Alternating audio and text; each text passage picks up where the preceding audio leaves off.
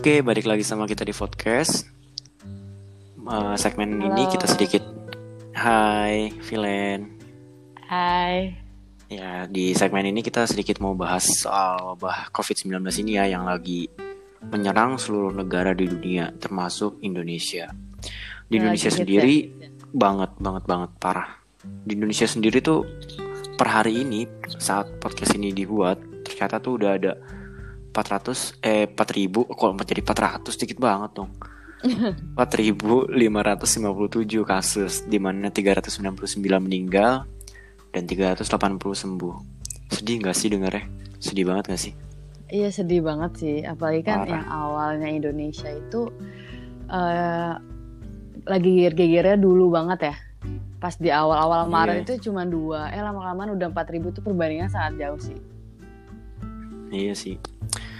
COVID-19 ini bukan cuma ngeberikan apa ya pengaruh kesehatan doang loh buat kita semua. Mm-mm, Tapi kalau kita lihat lagi, tapi bahkan ini aspek sosial pun ikut goyah gitu karena adanya wabah ini.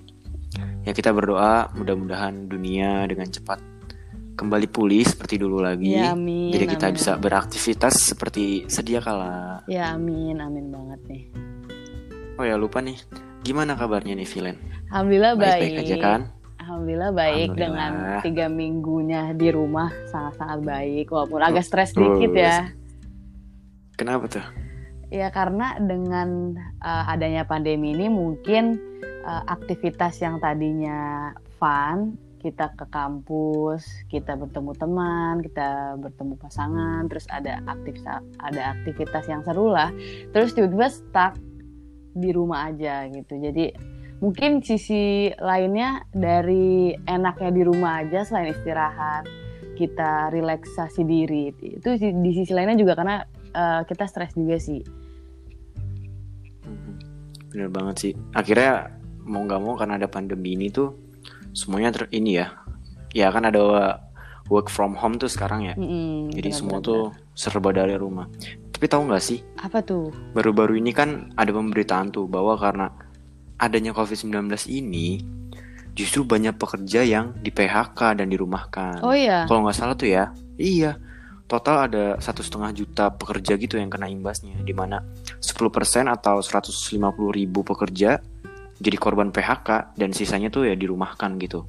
Nah, pendapat Villain sendiri melihat fenomena ini tuh gimana sih? Kira-kira apa yang seharusnya dilakukan baik dari pemerintah dan perusahaan terhadap para pekerjanya gitu? Karena ini nanti kan bakalan menimbulkan permasalahan baru ya kan? iya betul betul. ketika iya dong ketika covid-19 ini selesai justru bakal ada masalah baru yaitu masalah barunya tingkat pengangguran justru malah bertambah gitu Iya betul betul. Sekali. gak? Betul banget dong Iya itu kan? pasti. Nah, jadi menurut menurut Villain gimana tuh kira-kira apa sih sebenarnya yang harus dilakukan sama pemerintah dan perusahaan tapi ya sebelumnya nih coba kita tinjau deh kan Indonesia itu salah satu negara yang menjunjung tinggi SDGs ya Sustainable Development Goals itu Iya ya betul. Tahu kan? Tahu kan lah ya, Mhm. tahu ya. Nah, salah satunya kan di poin ke-8 itu eh, yang menyatakan bahwa apa? pekerjaan yang layak dan pertumbuhan ekonomi yang, selaras berkela- gitu Iya kan. iya betul betul. Iya, yang yang apa? Yang layak dan pertumbuhan ekonomi gitu kan. Mhm. Nah, tandanya kan nggak nggak selaras tuh sama yang dilakukan sama sekarang. Ditambah Pak Presiden kemarin, Pak Presiden Joko Widodo menyampaikan pidatonya bahwa sebenarnya perusahaan tuh disuruh untuk tetap mempertahankan para pekerjanya tuh. Jadi menurut Villain gimana nih? Ini yang bandel nih siapa nih kira-kira sih? Pekerjanya kah atau pemerintahnya nih yang bandel atau gimana nih? Kan kasihan ya. Eh kok pekerja sih? Maksudnya perusahaan. Perusahaan dengan pemerintah Nah, gitu. betul. Ah, ah, jadi menurut Villain sendiri gimana nih? Menurut Villain? Kalau menurut aku soal pandemi ini yang paling utama itu kan yang bandel pasti si COVID-nya ya. Kenapa si COVID ada gitu kan? Kalau untuk uh, kesalahan dalam uh, menyikapi dampak dari adanya pandemi ini, sebenarnya kalau yang di, aku lihat dari perspektif aku, dari pemerintahnya dulu nih, pemerintah itu udah sangat transparansi banget udah sangat detail banget dan telaten banget dalam menanggapi pandemi di Indonesia ini. Dari mulai arahan-arahan kayak ada PSBB yang sekarang kita berlakukan di daerah Jabodetabek, terus adanya himbauan-himbauan bagi perusahaan untuk kayak udah kita work from home aja gitu. Terus abis itu uh, banyak deh eh, kebijakan-kebijakan yang saya kira dengan menanggapi pandemi ini cukup baik gitu. Uh, pemerintah menanganinya dan cukup telaten. Tapi kalau dari saya lihat dari perspektif saya melihat uh, kebijakan perusahaan untuk mem-PHK banyak orang itu sebenarnya uh, tergantung sih, tergantung uh, jadi tergantung apakah itu baik atau enggak baik itu ketika uh, saya melihat dari perspektif bahwa memang itu uh, resiko yang harus diambil dari sebuah perusahaan ketika uh, pendapatannya mungkin itu sedang menurun diakibatkan oleh faktor eksternal gitu. Kayak misalnya mungkin karena faktor dari pandemi ini perusahaan mau tidak mau uh, dia mendapati bahwa pendapatannya kurang. Terus habis itu uh, produksinya yang juga jadi uh, apa tingkat produksinya yang jadi melemah. Terus kalau misalnya emang tingkat produksinya melemah lalu untuk apa mereka uh, apa namanya mempertahankan para pekerjanya gitu? Nah, kalau misalnya aku melihat dari perspektif yang lain, dari perspektif dari uh, para pekerjanya dengan ada kebijakan si perusahaan ini, juga kalau menurut aku kurang efektif juga. Di dalam adanya uh, bencana pandemi ini, terus adanya PHK, justru itu akan menambah uh, menambah adanya krisis gitu. Yang tadinya awalnya kita krisis kesehatan, krisis sosial, jadi menambah krisis ekonomi di masyarakat, apalagi uh, para apa, apalagi yang di PHK itu ya pekerja-pekerja dari dari kalangan menengah eh, menengah ke bawah gitu. Jadi kalau menurut aku dari perspektif yang si para pekerja uh, kebijakan perusahaan ini juga kurang efektif dan nggak ada relevansinya gitu sama bencana pandemi ini. Mungkin emang uh, aku nggak tahu juga sih, misalnya kayak ke, alasan para perusahaan itu melakukan PHK itu apa gitu kan. Tapi kalau misalnya yang dilihat dari kacamata umum sebenarnya tidak harus tidak harus adanya PHK gak sih? Uh, setuju gak nih kira-kira? Setuju sih, setuju. Kayak mendingan tuh kayak lebih baik dirumahkan aja gitu karena ketika nanti uh, pandemi udah selesai kan dia masih bisa bekerja gitu ya. Tapi kalau misalkan di PHK tuh otomatis kan dia putus pekerjaan. Nah, itu bakal yang tadi 150 ribu itu bakal kebingungan lagi gitu nyari kerjanya gimana iya. lagi setelah pandemi bener ini banget. usai gitu. Iya, be be iya benar iya, banget.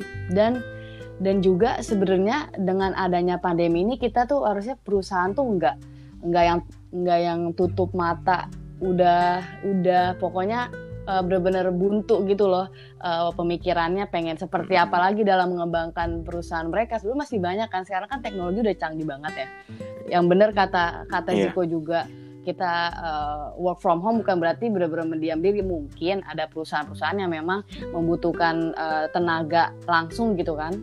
Tapi di sisi lain juga uh, dengan adanya bencana pandemi ini kan mungkin emang kayak uh, universe itu force us buat buat stay at home. Tapi uh, seharusnya ya perusahaan bisa lebih jeli lah melihat peluang-peluang yang ada. Dengan adanya PHK tersebut apa emang um, apa membuat pendapatan dari perusahaan itu malah makin meningkat kan enggak gitu. Jadi sebenarnya nggak ada relevansinya sih kalau menurut aku. Tapi kalau misalkan kayak menurut kan uh, kalau nggak salah ada peraturan tuh nggak boleh nggak memberikan gaji gitu ya, tetap harus ngasih gaji oh, gitu. Iya. Nah, ada juga yang mungkin yang mungkin yang nggak ngasih gaji gitu. Nah, tapi bisa jadi kalau misalkan dengan tetap menggaji tapi pekerjaannya tidak uh, bilang apa katakanlah produksi gitu ya produksinya nggak jalan tetap tapi tetap harus menggaji itu kan suatu kerugian juga nggak sih? Buat si perusahaan itu sendiri gitu ya nggak sih? Hmm, iya sih sebenarnya cuman kan apa namanya uh, kalau misalkan dibanding untuk uh, dibanding untuk kita mem-PHK para pekerja dikarenakan produksinya yang tidak jalan itu kenapa nggak dibalik aja gitu kalau menurut aku ya? Kayak misalnya kita tetap mengupayakan produksi tetap jalan gimana uh, gimana pun caranya. Ini kita di luar konteks dari uh, produksi ekspor mengimpor ya. Jadi kita uh, yeah. apa namanya? Kita tetap uh, meningkatkan produksinya dengan cara-cara yang udah udah ditunjang sama teknologi yang canggih kayak sekarang. Terus tanpa harus mem-PHK orang sih. Kalau menurut aku sih kayak gitu, Ti. Ya setuju aja sih sebenarnya karena ya mau gimana pun juga kan mereka juga kan masih butuh untuk membiayai kebutuhan sehari-hari gitu kan. Betul banget. Kebutuhan primernya gitu. Belum lagi kalau masih yang ada anak berapa, anak berapa gitu kan banyak betul, ya. Betul Jadi kan itu masih nah, butuh banget gitu. Nah, di sini juga emang dibutuhkan juga peran pemerintah gitu. Emang sekiranya ada situasi ini mungkin nanti pemerintah memberikan subsidi kepada semua masyarakat itu entah berbentuk jadi yang maksudnya berbentuk jadi itu yang uh, sembako sembako atau bisa yang berbentuk uangnya aja terus suruh beli. Cuman yang lebih efektif sih kalau misalkan emang pengen digag digalakan yang namanya di rumah aja ya berbentuknya sembako ya enggak sih? Jadi ya udah ada petugas yang ngasih ke rumah habis itu biar si uh, per kartu keluarga itu di setiap kelurahan, kecamatan dan sebagainya itu tetap tetap stay at home gitu loh. Ya, setuju sih. Gak keluar keluaran. Setuju gitu. setuju. Dan aku mengharapkan iya. itu sih sekarang. iya gitu kan. Kayaknya ya gitu lebih lebih bakal lebih ampuh gitu lockdownnya. Oh ya ngomong-ngomong lockdown nih. Mm -hmm. Selain itu juga kan uh, kata PBB nih ya. Iya. PBB loh yang ngomong ya kan. Iya ya. Aduh agak berat ini ya, tuh katanya tuh Iya, biar sedikit-sedikit gimana gitu. COVID-19 ini juga katanya bisa mengancam pasokan pangan global loh. Uh, maksudnya gimana tuh? Coba, coba. Ya, jadi dia bisa mengancam pasokan pangan global katanya. Karena apa? Karena banyak negara yang memperlakukan lockdown kan, hmm. ya gak? Akhirnya jadi rantai pasokan tuh terputus. Intinya apa ya? Global market chain itu nggak berjalan dengan baik gitu loh. Oh, jadi karena kan pada di di lockdown kan jadi nggak boleh yang ekspor impor gitu ada pembatasan pembatasan tertentu lah gitu ya. Jadi global market chain itu nggak berjalan dengan baik. Nah menurut Vilen ya kira-kira kira-kira nih apa sih persiapan yang perlu dilakuin sama kita gitu baik dari masyarakat dan dari pemerintah tentunya buat mengantisipasi ancaman? Karena ini berbentuknya ancaman ya kan prediksi gitu kan. Mm -hmm dapat mengancam. Jangan sampai kayak bulan Januari sama Februari kemarin ya nggak? Yang kita tuh pede-pede aja gitu kok uh, ah COVID-19 ah corona itu nggak bakal masuk Indonesia orang Indonesia kuat-kuat. Taunya apa? Alhasil kita nggak ada persiapan. Begitu si corona itu masuk, langsung deh pasien positif naik secara drastis. Ya iya benar-benar. Nah sekarang Iya belajar dari pengalaman itu. Nah menurut Villain sendiri, kira-kira apa sih persiapan yang perlu kita lakukan gitu? buat masyarakat dan juga pemerintah gitu tentunya. Di dalam menghadapi global marketing change yang itu, yang apa yang berubah? Uh, ini iya ancaman pasokan pangan global yang menurun itu. Oh gitu. Kalau menurut aku ya, iya. lagi-lagi dari perspektif uh, anak muda, dari perspektif okay. anak muda ini, oh, masih, muda, muda ya dong. Masa oh, ini gimana muda. tuh? Kirain udah Iya kirain udah 30 tahunan gitu saya lanjut kali ini ya pak oh, ya. iya. jadi kalau menurut aku eh, persiapan dari masyarakat itu sendiri sih yang pertama ya kalau dari masyarakat ya baik dari dari mereka masyarakat yang memproduksi bahan pangannya itu sendiri maupun dari kita para konsumen intinya sih aku paling nge-highlight uh, persiapan dari apa namanya dari para konsumen sih kalau menurut aku aku tuh agak agak geram gitu sih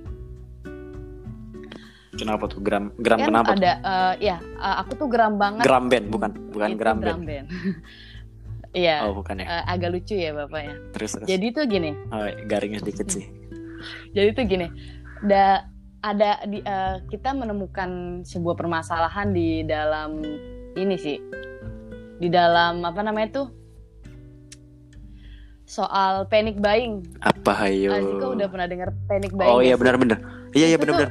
Panic buying. Nah itu tuh nanti bakal harus dibahas sih. Iya itu tuh kayak uh, menurut coba, aku tuh itu buat buat geram banget sih karena karena apa ya kita tuh udah tahu uh, barang itu tuh limit ya dari mulai uh, kebutuhan pokok kayak makan uh, segala macamnya gitu kan Terus abis itu tiba-tiba ketika mereka panik, dan ketika mereka nggak yang um, di rumah itu uh, persediaannya juga sedikit. Terus mereka baru tahu bahwa pandemi itu baru datang ke Indonesia uh, dengan data yang mungkin mereka masih baca-baca tuh sedikit gitu kan. Terus mereka langsung uh, adanya apa terus mereka langsung ya panic buying itu loh. Dan itu kalau menurut aku iya bener. nggak harus nggak harus dilakuin juga gak sih? Apalagi di Jakarta. Iyalah iya bener banget bener banget nih kalau misalnya kita tinjau nih ya misalkan lah kita pakai sekuritisasi lah gitu ya. Mm-hmm. Itu kan di dalam sekuritisasi itu kan ada yang namanya tuh uh, food security mm-hmm. gitu ya. Kalau kita lihat pakai food security aja dengan cara panic buying tuh otomatis pangan itu kan bakal cepat habis ya. Supply and demandnya itu tidak tidak apa ya ada ketimpangan mm-hmm. lah gitu. Nggak nggak rata gitu nggak sama. Otomatis jadinya apa? Ya ini bakal calon-calon ada ancamannya krisis pangan gitu loh. Maksudnya kenapa? Karena yang supply-nya aja belum apa belum datang lagi, yang nggak tahu mungkin bisa bulan depan gitu kan atau seminggu kemudian. Tapi di hari itu satu hari itu semua habis. Di mana akhirnya apa? Makanan itu langka untuk didapetin. Kita juga harus memperhatikan orang-orang yang udah lanjut usia dong. Iya betul betul banget. Kita sebagai anak muda kan gece banget gitu ya gercep. Wah gini bisa kita bisa lari, kita bisa ngambil troli dengan cepat tapi kita pikirkan juga orang yang lanjut usia gitu. Jangankan lanjut usia. Ya udah 40 tahun tapi kalau misalkan udah kayak ada asam urat gitu kan suka gitu ya hmm. orang Indonesia ya gitu 40 tahun udah ada asam urat gitu kan. Tetap pasti kan bakal pelan-pelan gitu nggak bisa segesit kita yang anak-anak muda. Sedangkan yang anak-anak mudanya nggak punya apa ya nggak ada awarenya gitu loh terhadap sesama gitu. Nah ini yang harusnya tuh gak sampai kayak gitu sih. Di nantinya kalau misalkan seandainya nih prediksi ini yang mengancam pasokan pangan tapi ya mudah-mudahan nggak sampai ya, ya, jangan, sampai, ya sampai kita nggak mau Please. banget dong iya, iya, jangan, mau banget nih kayak sampai kayak gini. Janganlah ya udah susah banget lah pokoknya gitu. Nggak mau lah. Jangan gitu lah. Ayolah ayolah corona jangan gitu lagi jangan menambah beban kita gitu. teman-temanan aja gitu. Iya jangan menambah beban gitu. Kan kalau sampai kayak gitu sih ya udah lebih baik kayak gitu tetap saling berbagi. Alangkah lebih baiknya kalau emang ini udah di menurut saya nih ya alangkah baiknya ketika pasokan pangan ya entah kalau kita dari luar negeri gitu misalkan ya. Kan hmm.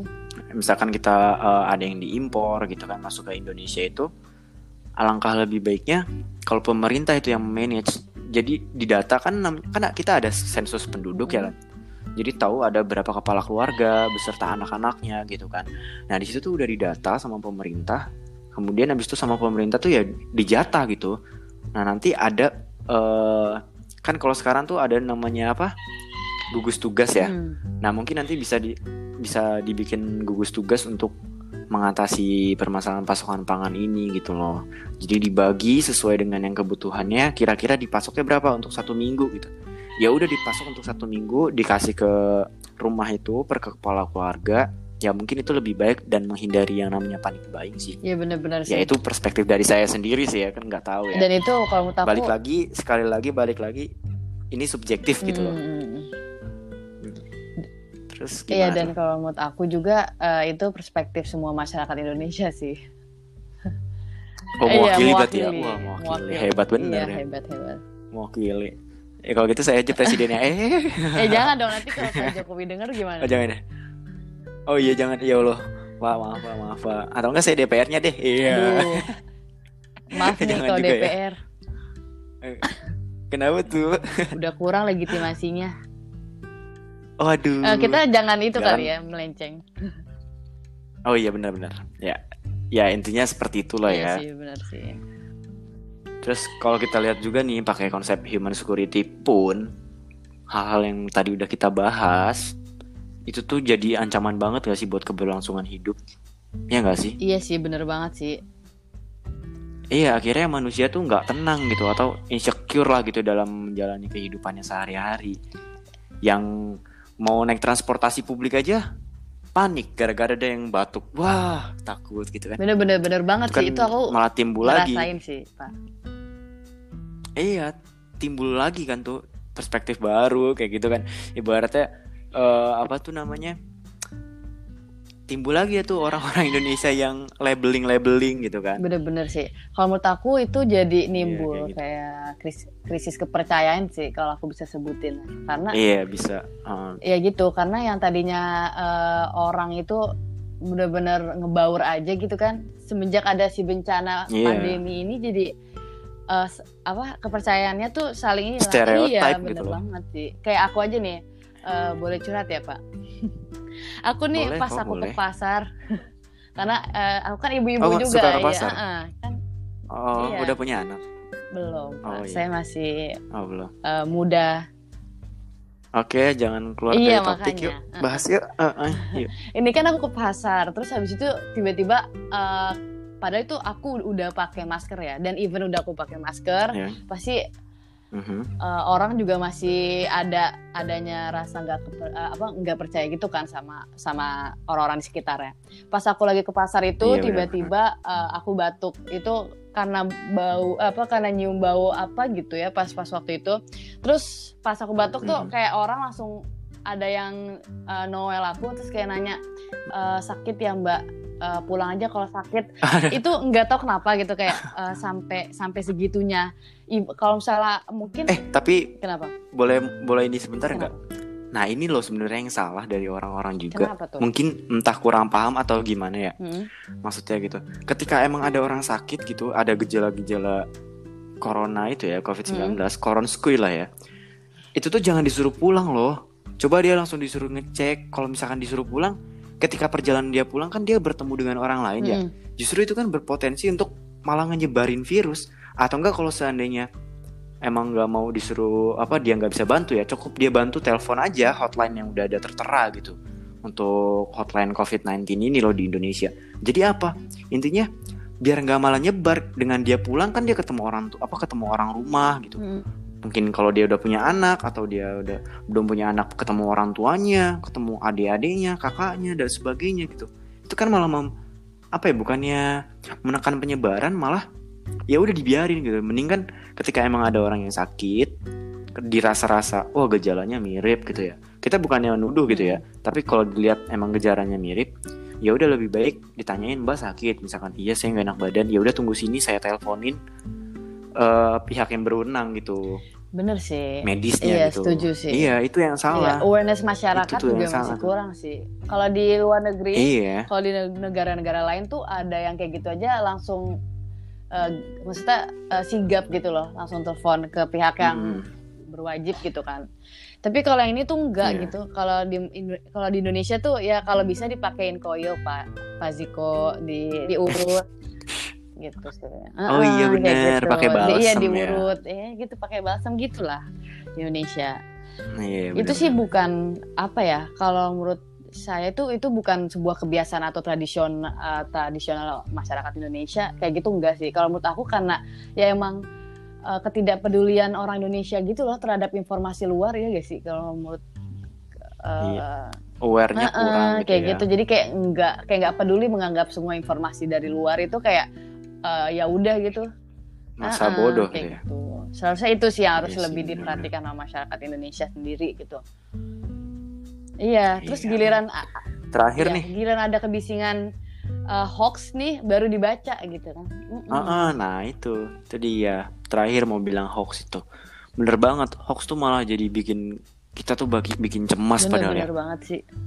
Nah ini tuh harus harus apa ya ibaratnya yang misalkan nih teman-teman mahasiswa dan teman-teman siswa-siswa lainnya nih ya yang masih sekolah gitu kan pasti lebih paham ya mana yang hoax mana yang enggak hoax gitu kan mana yang real mana yang enggak nah kalau ada orang tuanya atau kerabat-kerabatnya yang termakan hoax mungkin bisa diingetin tuh dikasih tahu. Bener sih. pak atau bu ini loh caranya tuh ngecek berita hoax atau enggak intinya apa sih? Biar mereka tuh nggak cemas gitu. Dengan cemas kan tahu sendiri. Iya bener-bener. daya tahan tubuh bakal menurun. Justru itulah ancaman tertingginya bisa-bisa kena atau tertular sama yang namanya virus COVID-19 Bener sih. Panik Gitu tuh sih. sekarang lagi nggak boleh banget sih di masa-masa pandemi kayak gini. nggak boleh Karena banget. bisa Iya. naikin apa? Naik uh-uh, Potensi. kayak gitu. Iya bener. Bener banget. Iya gitu. Pokoknya eh, kalau lagi dalam keadaan seperti ini panik tuh nggak baik banget. Pokoknya aku Betul. himbau ya, aku himbau. Eh, si si orang biasa ini akan menghimbau kepada seluruh masyarakat Indonesia ya Bapak tolong disampaikan kepada masyarakat Indonesia untuk jangan panik. Mudah-mudahan mereka Iya. dengar. Jangan panik. Eh, waspada lebih baik dan lebih penting dibandingkan kepanikan itu sendiri karena panik nggak akan menyembuhkan Betul. bencana pandemi tapi malah akan mempersulit dan akan lebih memperbanyak eh, orang-orang yang terjangkit pandemi ini sendiri. Jadi stop panic and be calm, chill aja chill. Oke, chill, tapi jangan terlalu Heeh, chill banget ya. Pokoknya jangan terlalu chill banget sih. Yang, eh, yang penting waspada. Itu tuh yang paling oke sih. Iya. Iya, oke. Terakhir nih kira-kira Villain ada pesan-pesan nggak buat seluruh masyarakat, baik buat yang seumuran kita mungkin ya. Eh, seumuran saya gitu. Kita beda umur. seumuran saya dan teman-teman mahasiswa lainnya gitu. Kira-kira ada nggak nih terakhir? Kalau untuk eh, pesannya sih tadi udah ya yang, eh, apa yang pertama ya.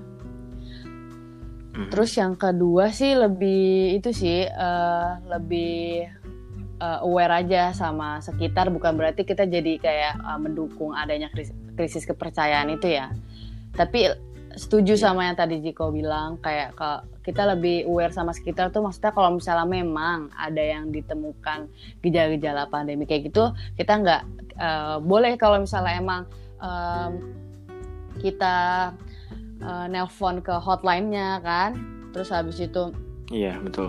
terus habis itu eh, aware yang selanjutnya adalah aware sama diri kita sendiri sih yang paling penting kan dengan melakukan kewaspadaan diri kayak misalnya apa kayak kita adanya eh, sterilisasi diri kita sendiri. Kayak cuci tangan eh, itu tuh penting banget ya. Sering cuci tangan. Karena sebenarnya virus itu kan hilang ya sama eh, ketika kita cuci tangan sama pakai sabun sama air gitu. Eh, yang yang yang terpenting sih itu itu aja sih. Terus habis itu juga kita jaga jarak itu penting banget. Social distancing ya. Terus eh, physical Iya, distancing juga. Eh, tapi sekarang jadinya, nah itu jadinya physical Mm-mm. distancing. Kalau dulu kan social distancing itu kan satu Uh-uh. meter. Nah yang baru tuh kan physical distancing itu jadinya 4 meter sekarang. iya jauh banget kita ya Eh, terpisahkan. iya aja. LDR dong berarti LDR. LDR kayak gitu iya terus satu lagi sih kewaspadaan Apa buat diri tuh? kita sendiri jadi eh, pesan-pesan aku ini hal yang kecil hal yang sederhana tapi penting banget buat eh, teman-teman yang mendengar dan t- tadi kan udah dua ya salah eh, satu lagi nih yang terakhir Mhm. Eh, pola pikir masyarakat untuk hidup sehat itu juga penting. Mungkin aku eh, kakak Ziko tahu banget aku mungkin belum eh, pola hidup sehat ya, tapi seenggaknya teman-teman sudah menerapkan Iya. pola hidup sehat kayak percuma gitu kita eh, kita udah social distancing, physical distancing, terus kita udah cuci tangan atau itu, tapi kita tidak eh, berusaha untuk mempertahankan daya tahan tubuh kita gitu loh dengan Iya, betul, pola betul. hidup yang Dengan tidak sehat. tidur Mm-mm, teratur betul gitu banget, ya. begadang kan, Ya, macam itu nggak baik teman-teman. Iya betul. Hmm. Jangan jangan lupa juga kayak makannya dijaga gitu. Iya ya. betul betul. Asupan nutrisi. Betul gitu. karena tuh suka ada orang yang kayak eh mereka udah social distancing segala macem tapi makannya bener-bener nggak bener-bener nggak nggak empat sehat lima sempurna gitu tuh itu sama aja guys. Iya sih benar. iya benar semuanya sih. Oke deh kalau gitu makasih banyak nih atas waktunya ya Vila. Iya sama-sama. Terima dan kasih bisa- juga. Kita bisa ngobrol-ngobrol Mm-mm. gitu ya kan. Mudah-mudahan kita berdoa semoga wabah ini cepet-cepet hilang. Iya ya. bener banget. Semoga kita bisa jalan-jalan Jadi lagi. kita ya. bisa lagi. Iya. Kita bisa jalan-jalan beraktivitas dan lain-lain. Iya siap siap siap. Amin. Oke. Terima kasih. Sama-sama. Dadah.